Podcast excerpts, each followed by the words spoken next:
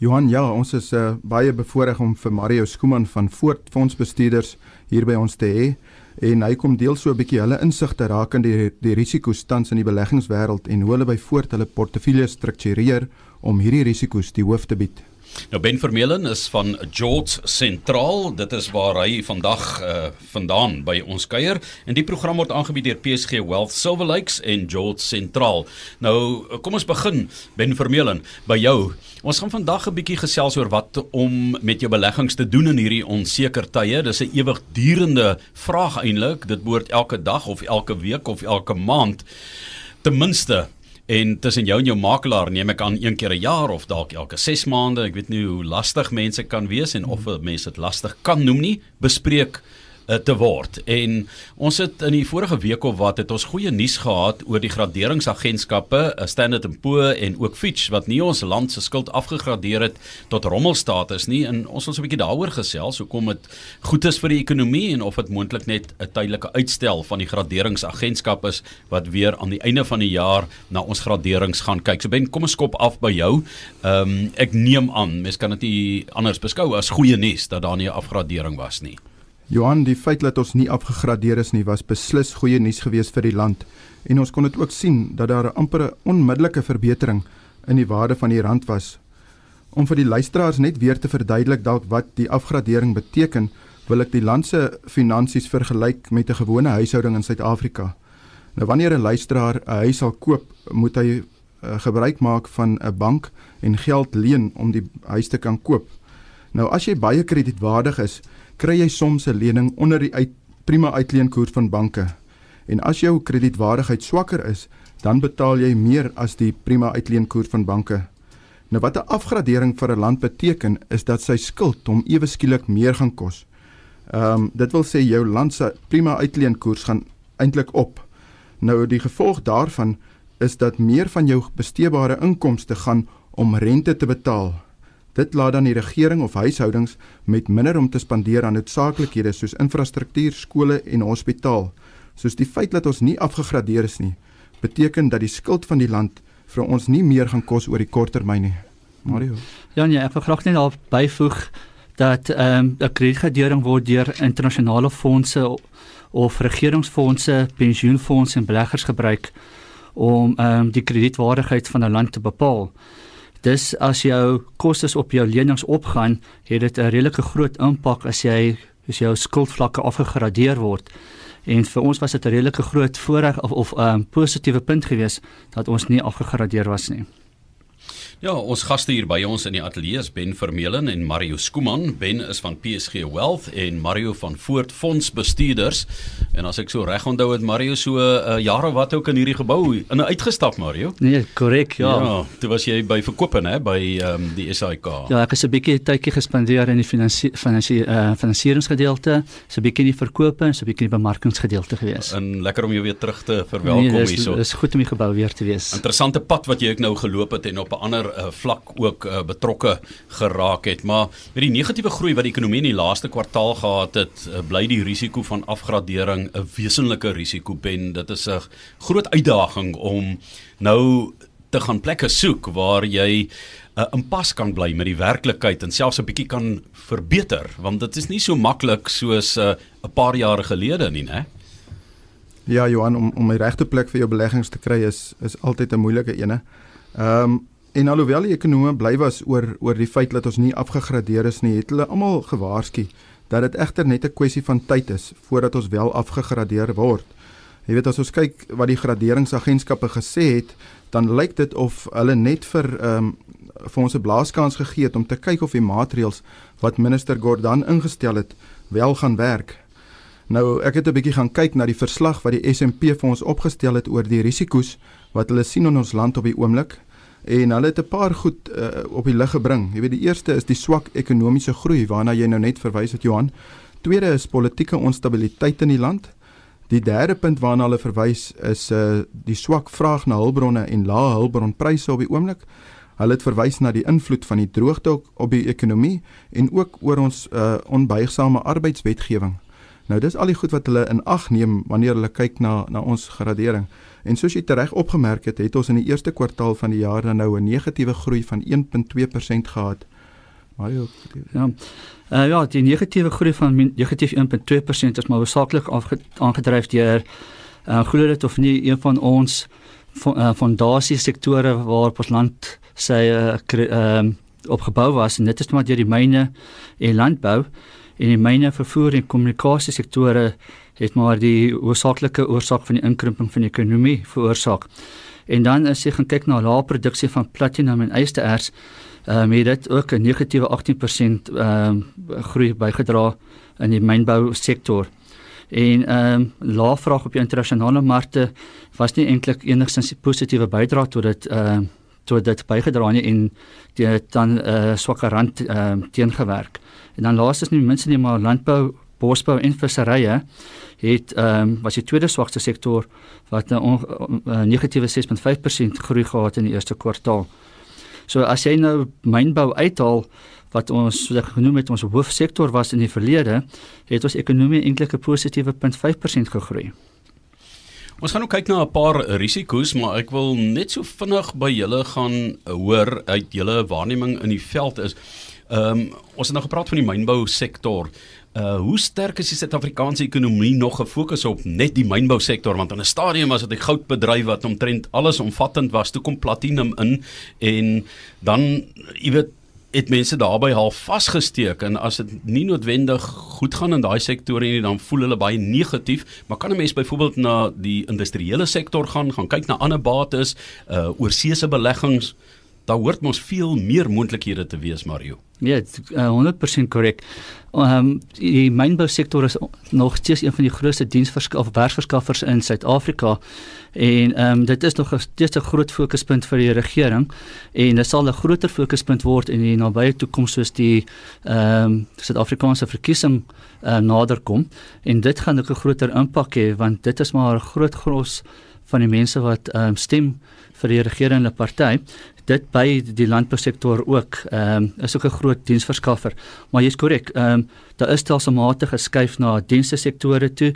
Ons finansiële sektor ehm um, is wêreldklas. Ehm um, ons kan gesien dit in die finansiële krisis en ehm um, Ja, die paadjie vorentoe gaan 'n bietjie moeiliker wees in daardie ja, sektor. Ek dink so oor 10 jaar ben as jy nou afry daar van George af gaan jy dalk 'n hele paar windturbine sien. Ek dink aan energie wat 'n groot rol in die toekoms kan speel ten opsigte van tegnologie en beleggings.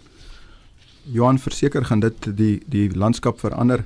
Ehm um, jy weet ek kom oorspronklik van Appington af en daar bou hulle op die oomblik geweldig baie sonplase ehm um, wat baie werk skep, maar ook jy weet energie voorsien wat in die toekoms 'n groot verskil gaan maak. Ehm um, ek wil net daarby Mario ook aansluit oor die mynbou wat jy weet as jy so 10 of 15 jaar terugkyk het mynbou 'n groot gedeelte, die grootste gedeelte van ons top 40 maatskappye in Suid-Afrika uitgemaak. Ehm um, as jy vandag kyk is daar enkele van die maatskappye oor en jou groot nywerheidsmaatskappye soos Naspers, SA Brouwerye, dit is eintlik hulle wat die groot gewigte in ons ekonomie is. Soos daar het daar 'n groot verskywing plaasgevind. Ehm um, en dis iets wat ons gedurig dophou om te kyk waantoe skuif die ekonomie want ons wil graag ons kliënte se geld belê in waar daar groei in die gaan wees in die ekonomie. Ja, in 'n stadium was jou blue chips waarvan hulle gepraat het was hoofsaaklik eintlik mynboumaatskappye en nou het dit al uh, heelwat verander. My gaste hier in die ateljee is Mario Skuman van Voort Fondsbestuurders, saam met hom van PSG Wealth Ben Vermeulen wat vandag saam met ons kuier. Bly by ons. Ons gaan nog gesels met ons twee kenners hier in die ateljee, mense wat jou dalk kan raad gee. Ons sal 'n kontak besonderhede later in die program verskaf as jy met Ben hulle in uh, verbinding wil tree van PSG Wealth om te kyk hoe lyk jou portefeulje en waar jy dalk kan verbeter of waar jy aan aandag moet gee. So bly ingeskakel daarvoor. Jy's op rsg.co.za kuier saam met Johan Rademan en Martelies Brink in oggend op RSG. Daar's ook baie ander risiko's in die wêreld. Ehm, um, miskien moet jy vir ons kyk na so 'n paar geben risiko's waarna ons en uh, kan kyk en op moet let en wat in berekening gebring word in ons Sudoku om die syfers te laat uitwerk en te laat klop. Johan die die risiko wat waarskynlik die naaste aan ons is op die oomblik is die wat hulle noem Brexit. Ehm um, op vir die luisteraars wat nie weet nie stem Brittanje op die 23ste Junie of hulle deel van die Europese ekonomie gaan bly en of op hulle hulle op op hulle eie gaan gaan. Nou 'n stem om die Europese Unie te verlaat gaan lei tot groot werksverliese in Brittanje. En ek het 'n berig gelees wat sê dat ekonome voorspel dat dit die Britse ekonomie kan laat krimp met tussen 5 en 10% oor die volgende paar jaar sou hulle die Europese Unie verlaat. weet daar's ook maatskappye wat van Engeland af hulle hoofkantore sal moet skuif. Ek dink Citibank het gesê al 4000 van hulle personeel sal hulle uit Londen uit moet vat.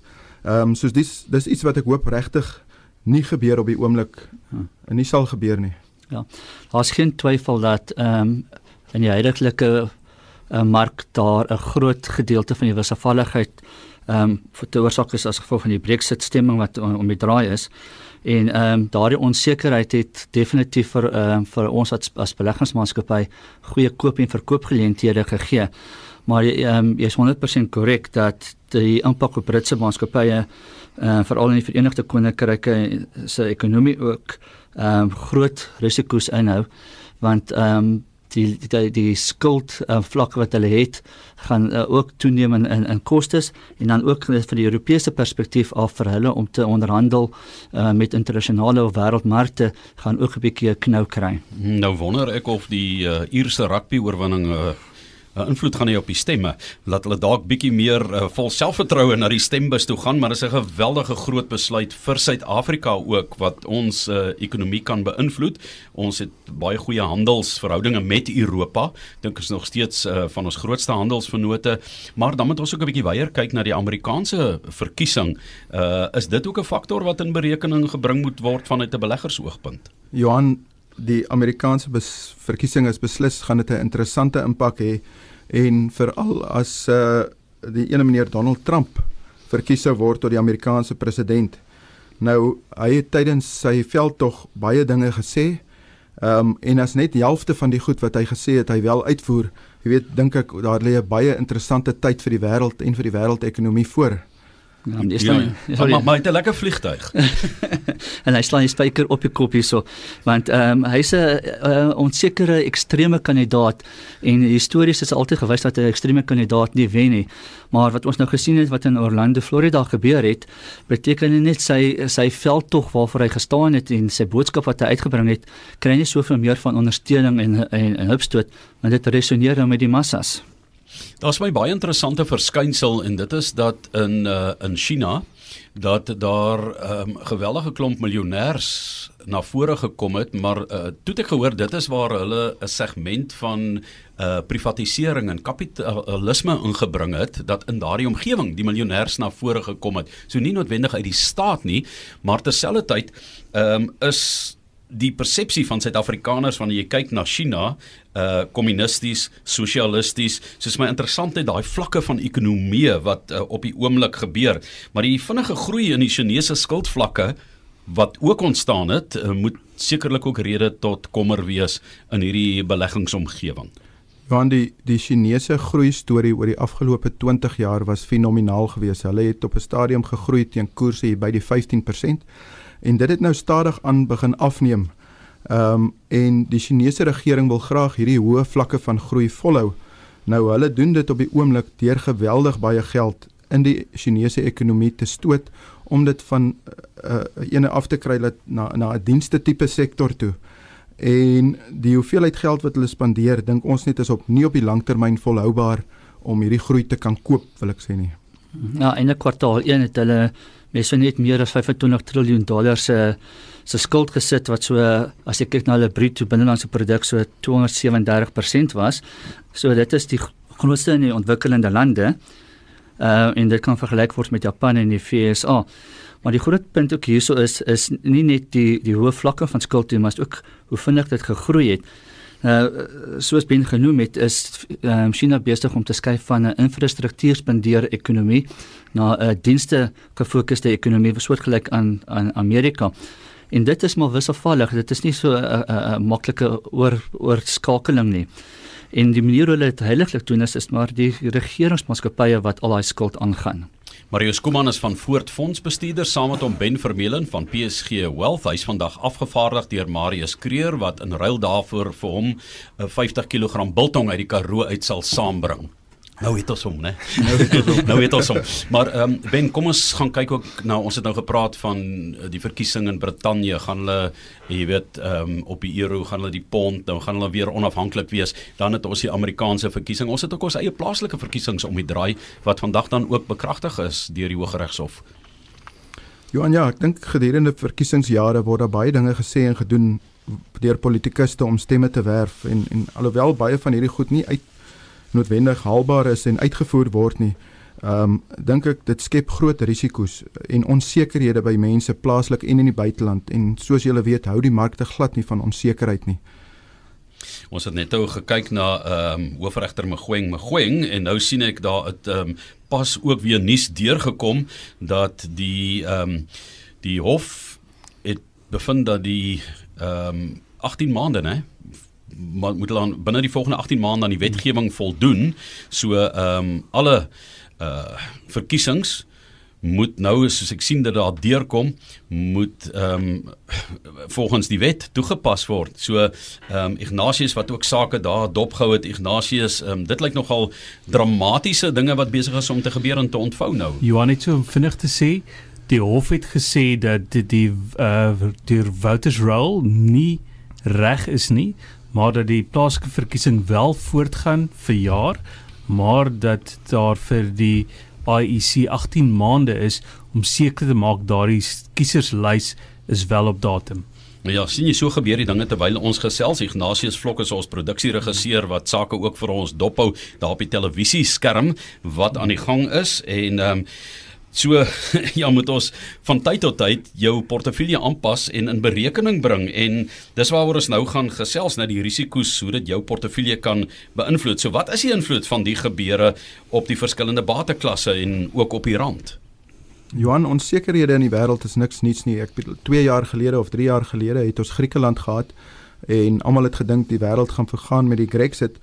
Ehm um, maar as ons nou gaan kyk na opbrengste van bates oor die afgelope 10 jaar wat die 2007 tot 2009 wêreldfinansiële krisis insluit, dan sien ons dat ten spyte van alles en al die onsekerhede wat daar was, plaaslike aandele nog steeds oor 10 jaar 13.3% per jaar gedoen het. Ons sien dat buitelandse aandele 13.9% per jaar gedoen het en plaaslike uh, effekte het 7.7% per jaar gedoen. Ehm um, kontant het 7.1% oor 'n 10 jaar tydperk gedoen en eiendom 14.3% wat vir ons maar net weer laat dink dat selfs in onsekere tye as jy 'n langtermyn horison het, ehm um, moet jy in groeibates jou geld belê. Mario. Uh, ja, ehm um, ek sê saam met dit en vir jy's vir daai punt van ons kyk nou die langtermyn hoe aandele presteer het deur al die verskillende risiko's wat ons al gehad het in die markkrisisse is dit definitief 'n uh, aandeleklas of 'n bateklas wat jy nie kan vermy nie en dit is ook nog steeds ons uh, hoofbateklas wat ons kies. Ehm um, nie net in Suid-Afrika maar internasionale markte ook.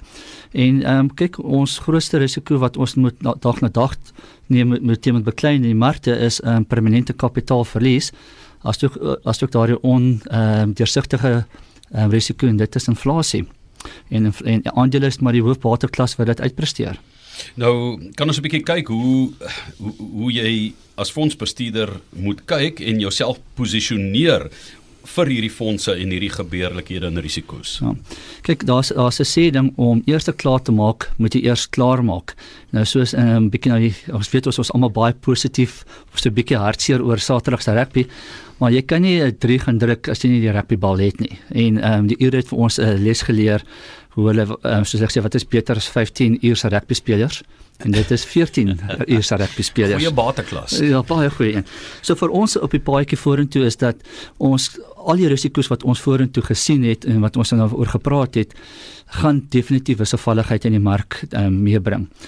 Maar daai wisselvalligheid wil ek vir luisteraars net sê is nie risiko nie. Risiko is permanente kapitaalverlies. Maar ons is nie seker waar jy daai wisselvalligheid en hierdie risiko's gaan uitspeel nie. So op die op die oomblik sit jy maar moet jy meer konservatief belê en jy moet kyk na sekerheid binne jou portefeulje en kapitaalbewaring. En ongelukkig kan dit 6 maande wees en ons kan meer sekerheid hê of dit kan 18 maande of langer wees voor ons meer sekerheid het. En ons kan sien die Reservebank van die Amerika sit self so half op die op die draad om te kyk ehm um, vir vir meer um, positiewe ehm um, nuus Ja, as jy so 'n bietjie later by ons ingeskakel het, jy luister na Mario Skuman van Voortfonds Bestuurders en ook van Ben Vermeulen van PSG Wealth wat vir ons hier sal help. Ons moet begin saamvat en afsluit. So, ehm um, so 'n portefeulje wat jy vir kliënte saamstel, moet dan nou al hierdie dinge in berekening bring Ben. Ehm um, en daaroor kan hulle met julle gesels. Johan, ja, wat wat ons nou maar doen is ons luister na al die fondsbestuurders en dan die belangrikste is ons stel 'n plan op vir ons kliënte gegee op elke kliënt se unieke behoefte. Nou die unieke behoefte wat 'n kliënt het, bepaal ons deur vir hom 'n kontantvloei uit te werk, deur te kyk wanneer gaan 'n kliënt geld nodig hê. Nou fondse wat 'n kliënt byvoorbeeld binne die eerste 2 jaar gaan nodig hê, sit ons in bateklasse wat geen risiko het nie. En dit is byvoorbeeld kontant en effekte. En dan eers wanneer ons meer tyd het om met bates te werk, belê ons dit in bateklasse wat 'n bietjie meer risiko het, maar waarvan die opbrengs heelwat hoër is. Soos waar kliënte byvoorbeeld uh, geld nodig gaan kry het van tussen 3 en 5 jaar, sit ons dit in hierdie multibestuurfondse soos byvoorbeeld voortsig gebalanseerde fonds waar ons dit aan die fondsbestuurder oorlaat om te besluit in watter bateklasse en watter lande hy die geld wil belê. En dan eers waar 'n kliënt se geld vir 7 jaar of langer by ons gaan wees, sit ons dit 100% in aandele plaaslik of in die buiteland want op daardie stadium weet ons ons het genoeg tyd dat daar nie 'n permanente risiko van kapitaalverlies kan plaasvind nie. As ons kyk na ja, die voorste gebalanseerde fonds hoe ons heidaglik geposisioneer is, is dat ek het genoem ons is redelik konservatief en hoe ons daai konservatiwiteit uitspel in die fonds is ons het 'n redelike groot kontant posisie want kontant gee vir jou basies twee ehm uh, voordele in 'n fonds. Dit eerste gee vir jou opsionaliteit want as jy die wisselvalligheid deurkom kan ons bietjie meer aandele koop kwaliteit aandele koop teen goedkope pryse. En as die markte op en af gaan dan gee dit vir ons 'n bietjie meer van 'n beskerming. En dan is ons hoofsaaklik sterk belê buite Suid-Afrika, randverskansingaandele en as jy wetgewing ons toelaat, belê ons maksimum volgens artikel 28 op pensioenfonds wetgewing buite Suid-Afrika. So dink ehm um, voortfondsbestuurders op die oomblik Mario Skuman en Ben Vermeulen van PSG Wealth. Julle kontak besonderhede as mense verder hierdie gesprek met julle wil voortsit oor hulle spe spesifieke behoeftes. Johan, hulle kan ons kantore kontak uh, op die telefoon. Ons telefoonnommer is 086 134 8190 of hulle kan 'n e-pos stuur by ben.vermeulen@psg.co.za. Gee hom net weer. Dis ben.vermeulen@psg.co.za. En die program is aangebied deur PSG Wealth, Silver Lakes en George Sentraal.